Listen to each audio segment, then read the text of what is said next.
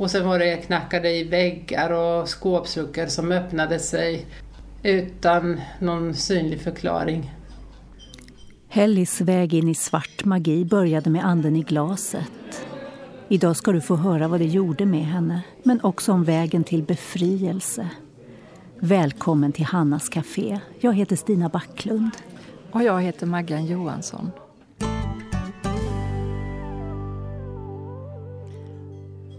Ja, vi ska höra om vägen från svart magi till frihet.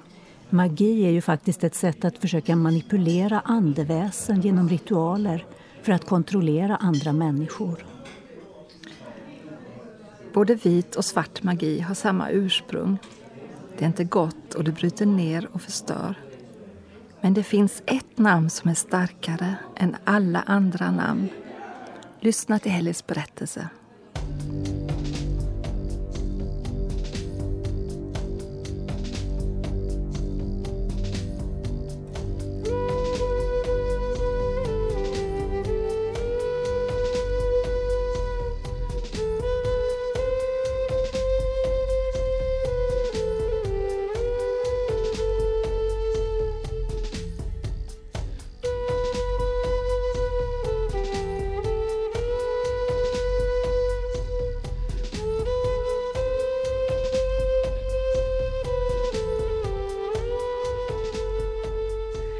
Jag heter Helly Noturf och eh, jag är ursprungligen från Finland.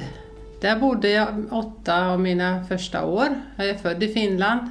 Där levde jag väl ganska så trevligt liv ute på landet.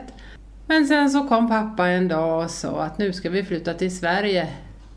Och det lät ju lite spännande så men samtidigt var jag ju rädd för att jag hade ju mina kompisar och min släkt i Finland och nu skulle jag hamna i ett vilt främmande land. Helly började skolan bara några dagar efter ankomsten till Sverige. Det blev en chock och hon förstod ingenting av vad de andra sa. Jag fick ju ont i magen varenda morgon som jag skulle gå till skolan. Sen var det lite så här att de tyckte, de här andra barnen, att jag var eh, lite annorlunda. Så jag blev ju som en hackkyckling då. Och först var det lite små knuffar och sådär. Men sen blev det mer och mer hårdhänt. Jag blev slagen. Och jag minns det allra värsta faktiskt som jag var med om. Det var när de slet in mig på toaletten. Och stoppade in huvudet i en toalettstol så och så spolade de. Och det var en fruktansvärd upplevelse. Och eh, då var jag faktiskt arg på mina föräldrar för att de hade tagit mig till Sverige. Jag tyckte det var som en mardröm. Tänk att vara livrädd varenda dag man ska gå till skolan. Och jag kan tänka mig att det är många barn som är det. Fruktansvärt. Hatet växte inom henne. Helly hatade de nya klasskamraterna och var väldigt besviken på sina föräldrar som hade tvingat henne att flytta. Till slut fick hon ett raseriutbrott och klippte till killarna som var mycket kortare än vad hon själv var. Jag fick inga kompisar för det. Inga tjejer ville vara med mig. Så jag var, kände mig utanför. Jag var ju utstött, utfrusen utanför. Hon skaffade sig nya, lite äldre killkompisar som tyckte om att hon kunde slåss. Jag blev ju tuffare och tuffare. Eh, fast egentligen var det ju bara ett skal av tuffhet för inom mig så fanns det en liten rädd flicka hela tiden. Jag, även om jag kunde slåss och kände att jag klarade mig klarade livhanken, klarade av att våga gå till skolan och så. Så inom mig så fanns det en rädsla ändå. En liten ensam flicka. Äntligen kände hon sig accepterad och hon tillhörde en grupp. De drack mellanöl och rökte och sniffade. Helly tyckte det var spännande. Men en dag hände något som fullständigt skulle ta överhanden i hennes liv. Och sen var det några killar då som hade lärt sig leka med anden i glaset. Och då fick jag vara med en gång och jag tyckte det var lite spännande så. Först tänkte jag att det där måste vara en bluff, det är ju någon av dem som puttar på glaset. Så tänkte jag att det måste jag ju ta reda på, så då ställde jag några sådana frågor som ingen av dem har svaret på, som ingen av dem vet, utan bara jag. Och så ställde jag några sådana frågor då. Och till min nästan förskräckelse så fick jag exakt svar. Då förstod jag att det var inte de här killarna som puttade på glaset utan det fanns någon osynlig makt, en osynlig kraft i rummet som flyttade glaset. Helly hade gått i söndagsskolan som barn och hört talas om Jesus. Hon visste att det fanns en god makt och en ond makt. Det här var definitivt inte den goda makten. Det var skrämmande, men trots det kunde hon inte sluta. Hon hade ett tomt hål inom sig som ropade på att bli fyllt av något. Jag ska berätta den värsta grejen som hände. Det var inte bara kalla vindar, det var det ju också. Och sen var det knackade i väggar och skåpsluckor som öppnade sig utan någon synlig förklaring. Det allra värsta var när vi var hos en kille som hade ett marsvin i en bur. Och vi tänkte inte så mycket på det, men det var bara att det här stackars marsvinet mitt under den här äh, anden i glaset-akten så började marsvinet springa runt som en tokstolle. Blev helt galen, helt vild och sprang ihjäl sig. Dog. Och då var det många av dem som var med som inte ville hålla på längre.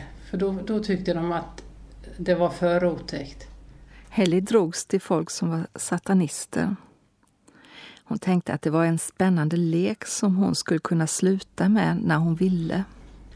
Ja, sen när jag träffade de här andra satanisterna så höll vi på med voodoo. Vi hade voodoo-dockor och, och, så stack vi nålar och läste förbannelser. Och det blev ju som ett sätt för mig att hämnas på de som hade mobbat mig. Det funkade och flera av dem som Helly hade läst förbannelse över hamnade i svårigheter. Men så ville hon också straffa kristna. Jag provade på kristna också. För jag tänkte de där, de ska, de ska få minsann. Så jag tänkte nu ska jag prova att sticka. Och nu ska de få bli tokiga de också och bryta benen och allt. Men det funkade inte. Det funkade på många människor men på de som var kristna, ingen av dem funkade det på. Alltså folk som knarkar vet ju att det är farligt och de tänker att de kan sluta när de vill och så kan de inte det. Och det var likadant med det här okulta mörkret. När Helly slutade högstadiet var det mest streck i betyget. Hon hade ju knappt varit där och ingen hade brytt sig om det. På den tiden var det lätt att hitta jobb, så Helly började jobba. Hon träffade sin man och de fick en son tillsammans. Men livet var kaos och de separerade. Själv kallade hon sig häxa. Och jag minns första gången jag gjorde ett sånt där. Jag lovade liksom djävulen att jag skulle tjäna honom resten av mitt liv och skrev under med mitt blod. Och då hördes ett fruktansvärt avgrundsskratt som jag aldrig har hört maken till. Alltså det var som från en skräckfilm. Det, det, var, det var så vidrigt hemskt skratt alltså. Så jag var ju faktiskt rädd. Jag tyckte inte, men vad har jag gett mig in på? Ska jag verkligen hålla på med det här? Då, då var jag liksom, men då tänkte jag, okej okay, nu är det kört, jag har gjort det. Och så hörde jag en röst som sa, du är min, du är min, du är min. Nu var hon fast och hennes uppdrag var att förstöra för kristna. Alltså om man inte gjorde sina uppdrag då, för jag hade ju uppdrag att plåga kristna då. Det var så i alla fall, jag skulle förstöra gudstjänster och så. Jag kunde sitta i en gudstjänst och ja, sitta och förbanna och så. Göra olika saker, elaka saker mot kristna. Om jag inte utförde det då, det hände ju ibland att jag inte gjorde det jag skulle, då, då kunde det komma en demon vet du, och klösa mig så jag blev blodig. Så att det är en sån verklig värld. Va? Så att, tänk om folk förstod det. Hon var trasig inombords och dövade sin svåra ångest med starka tabletter. Helly var oförmögen att ta hand om sin son. Men det fanns en barnvakt. Min barnvakt hon var kristen och hon tog med sig eh, Micke, då, våran son, hon tog med sig honom till söndagsskolan. Hon kunde komma och hämta honom en söndagmorgon och ta med honom till söndagsskolan. Alltså. Och jag lät ju henne göra det för jag tyckte det var skönt att ha en barnvakt som, som brydde sig. Ja, men samtidigt tyckte, jag tänkte jag att det kan väl inte vara helt skadligt om han går till söndagsskolan. För jag tänkte, egentligen önskade jag ju inte att han skulle behöva hamna i samma skit som jag. Helly råkade ut för ett överfall där hon höll på att bli dödad. Och jag tänkte, fy alltså jag vill ju inte dö. Jag fick ju panik. Och då hände något jättehäftigt som egentligen är början till vändpunkten. Det var att eh, jag hörde en röst i mitt inre och det var rösten från min gamla söndagsskolfröken som sa att om du hamnar i svårigheter någon gång, om du får det svårt, ropa på Jesus. Och så sa hon alltid i söndagsskolan och då helt plötsligt kom det tillbaka till mig. Jag hade liksom det kvar. Det liksom ploppade upp i rätt stund. Jag tänkte, ja, det är ju min enda chans, jag måste prova. Och jag fick ju inte fram något utan jag bara liksom väste Jesus. Och då hände något märkligt. Den här karln han bara släppte mig och sprang ut ur lägenheten och sen kom han aldrig tillbaka. Helly vill varna alla som håller på med att experimentera med övernaturliga krafter. Oavsett om det är vit magi, svart magi, seanser eller vad det nu kan vara. Mörkrets makter vill det inget gott. Men det finns bara ett namn som har besegrat ondskans makt och det är Jesus. Är det många, tror du, som håller på med nyandlighet här? Ja, jättemycket. Alltså det var någon seans här i Västervik som hade dragit, hur många hundra var det? Alltså över 300, nästan 400 personer hade varit på den här seansen.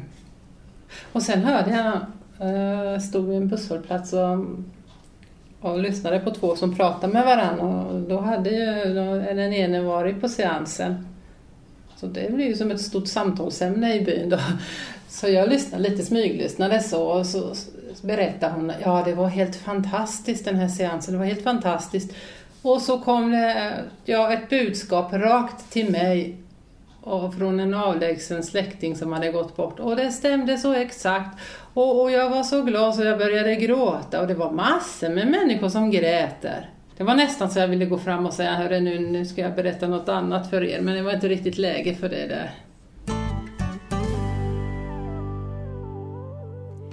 Vi kan inte manipulera eller tvinga oss till Guds goda gåvor. De får vi bara ta emot. Ja, vi får ta emot själva livet som en gåva från Gud. Ja, och strax ska vi få höra hur Helly kom ur sitt destruktiva liv. Men vi lyssnar först till Det jag inte vågar tro med Kristina.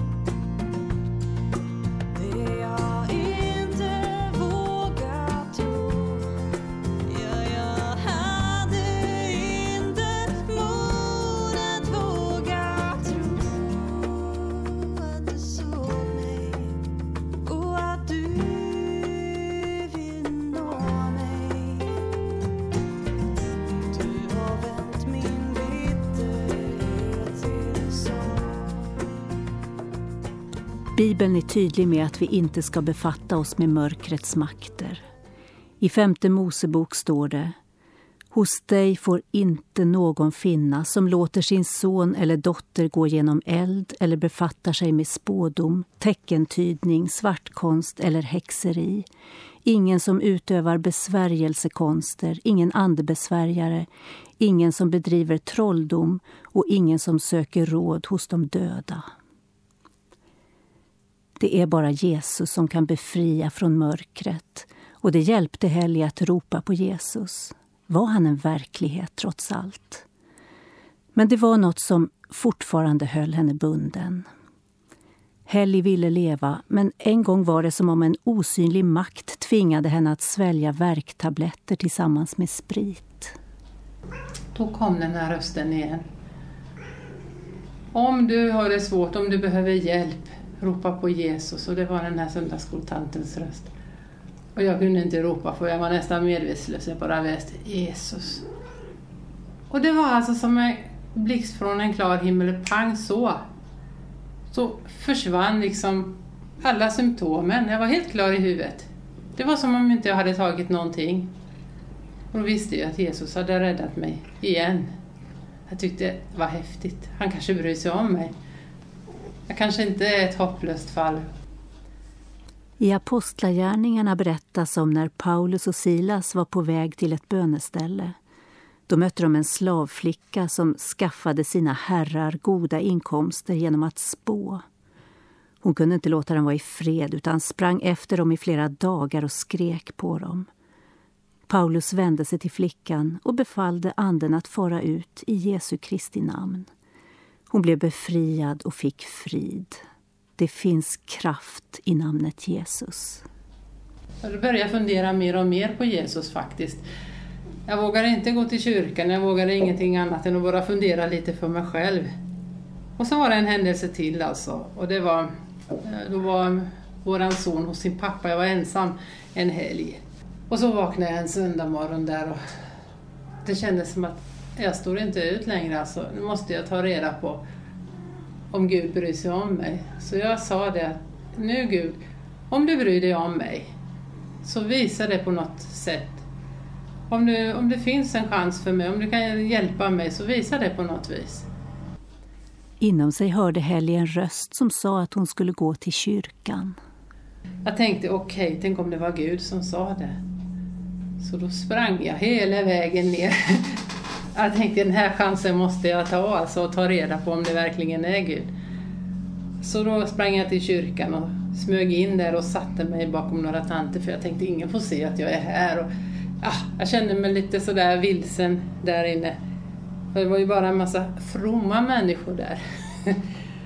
och då hade pastorn precis börjat, han skulle börja predika, men så sa han att nej, innan jag predikar så har jag ett budskap från Gud. Och det är ett lite konstigt budskap, sa han. För att det passar inte riktigt in att säga det här, men jag vet inte varför jag måste säga det, han hade inte sett mig. Och inte visste han vem jag var heller. Jag, nej, men jag måste säga det här i alla fall, för jag känner Gud vill att jag ska göra det. Och då talar han om hela min situation, att jag satt fast i mörkrets makter. Men att eh, Jesus ville göra mig fri och han ville förvandla både mig och hela min familj. Och han visste inte vem det var till, han bara talade rätt ut jag tittade på tanten men det var... Då förstod jag helt plötsligt, men det är ju till mig han talar. Och så sa han också det här att du har bett Gud att visa ett tecken på att han bryr sig om dig och det här är det tecknet. Och så var exakt svar.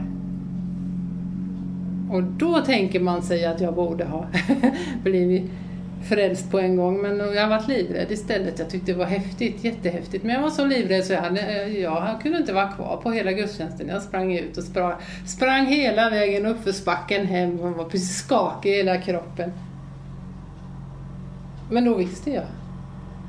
Jag visste att Jesus brydde sig om mig, att han hade hört mig. Och att han var starkare än det mörka. Det var liksom början till som att det var som, mitt liv var som en massa pusselbitar och helt plötsligt började Gud lägga det ena biten till det andra. Helge upptäckte att sonens lärare var kristen. Hon blev hembjuden till honom och hans fru. Och så berättade jag om mitt liv för dem och så. Så förstod de att jag kanske behövde lite mer hjälp än det här vanliga bara. att Gud välsigne dig och jag har en klapp på axeln utan det, det behövdes lite mera hjälp. Så, så de tyckte att jag skulle flytta ifrån stan och lämna allt det gamla bakom mig. Helge och sonen kom till ett kristet familjehem. Nu fanns det inget val längre. Hon mådde så dåligt. Det var jättefantastiskt när jag kom dit. så Ja, våran son han var ju som en annan människa på en gång för han fick en lugn och trygg atmosfär då. Och leva i, inte något stökigt och jobbigt utan det, han, var ju, han mådde jättebra från, nästan från första stund så. Medan jag, ja, jag tyckte det var väl jättetrevligt. De var ju härliga de här människorna. De, att de brydde sig om mig och de utstrålade Guds kärlek verkligen. Men sen var det lite sådär att jag vågade inte helt fullt ut. Jag, jag, jag sa att okej, okay, jag ska inte knarka mer, jag ska inte ta några konstiga tabletter och så. Det, det var ju helt okej okay och så. Så tänkte jag, men jag sa inget till dem, jag tänkte jag, jag behåller en liten pendel som jag hade, som jag brukade fråga krafterna om råd. Jag tänkte om jag, om jag behåller den där lilla pendeln och har den för säkerhets skull, ifall inte det här funkar så har jag ju något. Men du vet att så länge jag hade den där pendeln så mådde inte jag bra. De bad ju för mig och så här. Och jag kände liksom att jag hade en oro inom mig hela tiden ändå. Jag mådde dåligt. Men sen kände jag ändå att okej, okay, nu måste jag välja. Antingen så ska jag härifrån eller så måste jag ta Jesus på allvar. Jag måste släppa in honom i mitt inre för att kunna verkligen bli fri från allt det här som band mig. Så då tog jag fram den där pendeln och ja, de kastade in den i öppna spisen och eldade upp den. Då sa jag att nu, nu vill jag att Jesus ska vara min Herre. Så då bad jag om förlåtelse för allt jag hade gjort, riktigt från hjärtat. Va? Och kände att jag fick frid inombords. Det var som en sån där tung börda hade lättat från mina axlar. Jag brukar säga det var som en sån där cementsäck med 100 kilo cement som bara ramlade från mina axlar. Och jag kände mig ren inuti, jag kände mig fri. Jag kände liksom en sån frid som jag aldrig har känt förut. Då visste jag nu har jag kommit rätt. Nu började en ny vandring tillsammans med Jesus. Och det var ju i början till ett nytt liv. Alltså det, Eh, det var ju egentligen bara början ändå, men då fick jag ju hjälp av en då fick jag hjälp av Jesus. Sen är det mycket saker som man måste jobba med ändå. Mycket med mitt beteende och sådana här saker som jag... Jag var ju lite vildvuxen för jag har ju liksom fostrat mig själv. Så det var mycket som var lite tokigt och som skulle korrigeras, sådana här vanliga saker, sociala bitar och så. Men då hade jag en grundtrygghet i mitt liv. Jag hade alltså någonting som höll. Någon, någon som jag kunde prata med om allting. Och sen har det varit lugnt helt och hållet? Ja, sen har jag haft mardrömmar och sådana saker som har attackerat mig. Inte nu längre, men förut i början, så de första åren, kunde jag få jättehemska mardrömmar och så. Men eh, jag lärde mig faktiskt att ropa på Jesus i, i drömmen, alltså, så släppte det. Det var som den här söndagsskoltanten alltså. Som hon... Alltså det har följt mig hela livet. När du behöver hjälp, så ropa på Jesus. Det var så enkelt och det funkade. Det liksom är helt enormt vilken kraft det finns i namnet Jesus. Idag är familjen hel. Sonens pappa har blivit kristen och han och Helly har fått ge varandra nya äktenskapslöften. Ja, det är ett riktigt fint bröllop. Ett riktigt bröllop. Jag minns första gången vi gifte oss och det var en sån där snabb vigsel på rådhuset och sen var det fyllefest. Men nu var det ett roligt, härligt bröllop. Deras liv har fått en helt annan inriktning och de kan inte låta bli att tala om namnet Jesus som är starkare än alla andra namn. I början ville många gamla minnen göra sig påminda.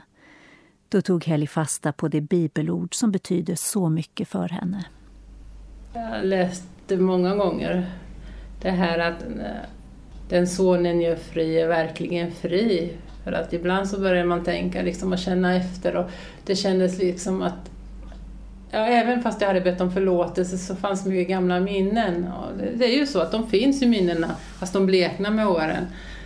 Och jag hade lite svårt ibland och det poppade upp en massa hemska minnen och då kändes det som att nej, det här kommer att förfölja mig resten av mitt liv. Det här kommer inte Gud, han har nog inte förlåtit mig och så. Och då citerade jag det ordet jätteofta. Va?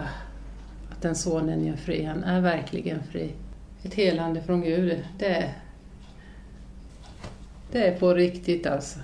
Det är bra grejer.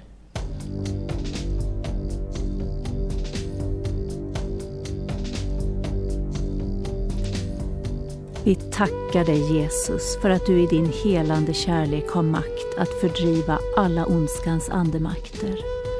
Jag ber om befrielse för alla som är fast i det mörkret. Tack för att vi inte behöver vara rädda i din närhet och för att du aldrig, aldrig sviker den som kommer till dig. Amen.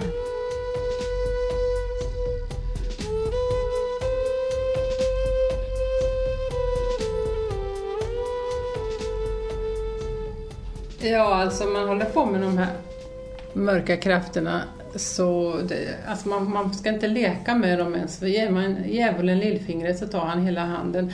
Men däremot så tror jag att människorna söker en andlighet. Alltså vi, vi har ju ett behov av, vi är ju skapade till att ha gemenskap med Gud och när vi inte har det så söker vi. Och då är det så spännande och roligt att berätta att det finns alltså en andlig verklighet med Gud, Jesus, den heliga Ande och att det finns änglar. Den här eh, andliga verkligheten som Bibeln berättar om, att den faktiskt är verklig och jättespännande. Och att Jesus kan hela människor. Man behöver inte hålla på med healing eh, och onda makters helande, fast det är många som inte vet att det är onda makter. Men alltså, Gud kan göra människor friska. Jesus kan ju hela.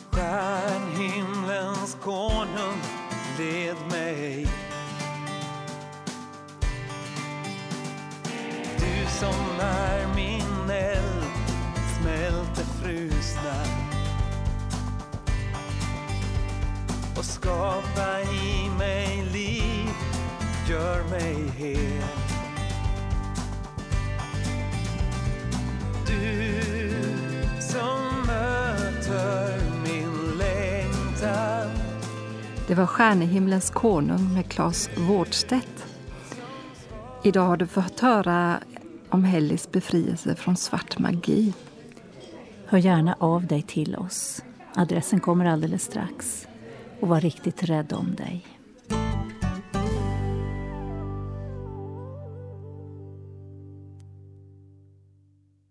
Hannas Café är producerat av Stina Backlund och Maggan Johansson för Norea Radio Sverige med adress Östergatan 20 262 31 i Ängelholm. Mailadress ph norearadio.se och webbadress www.hannascafé.se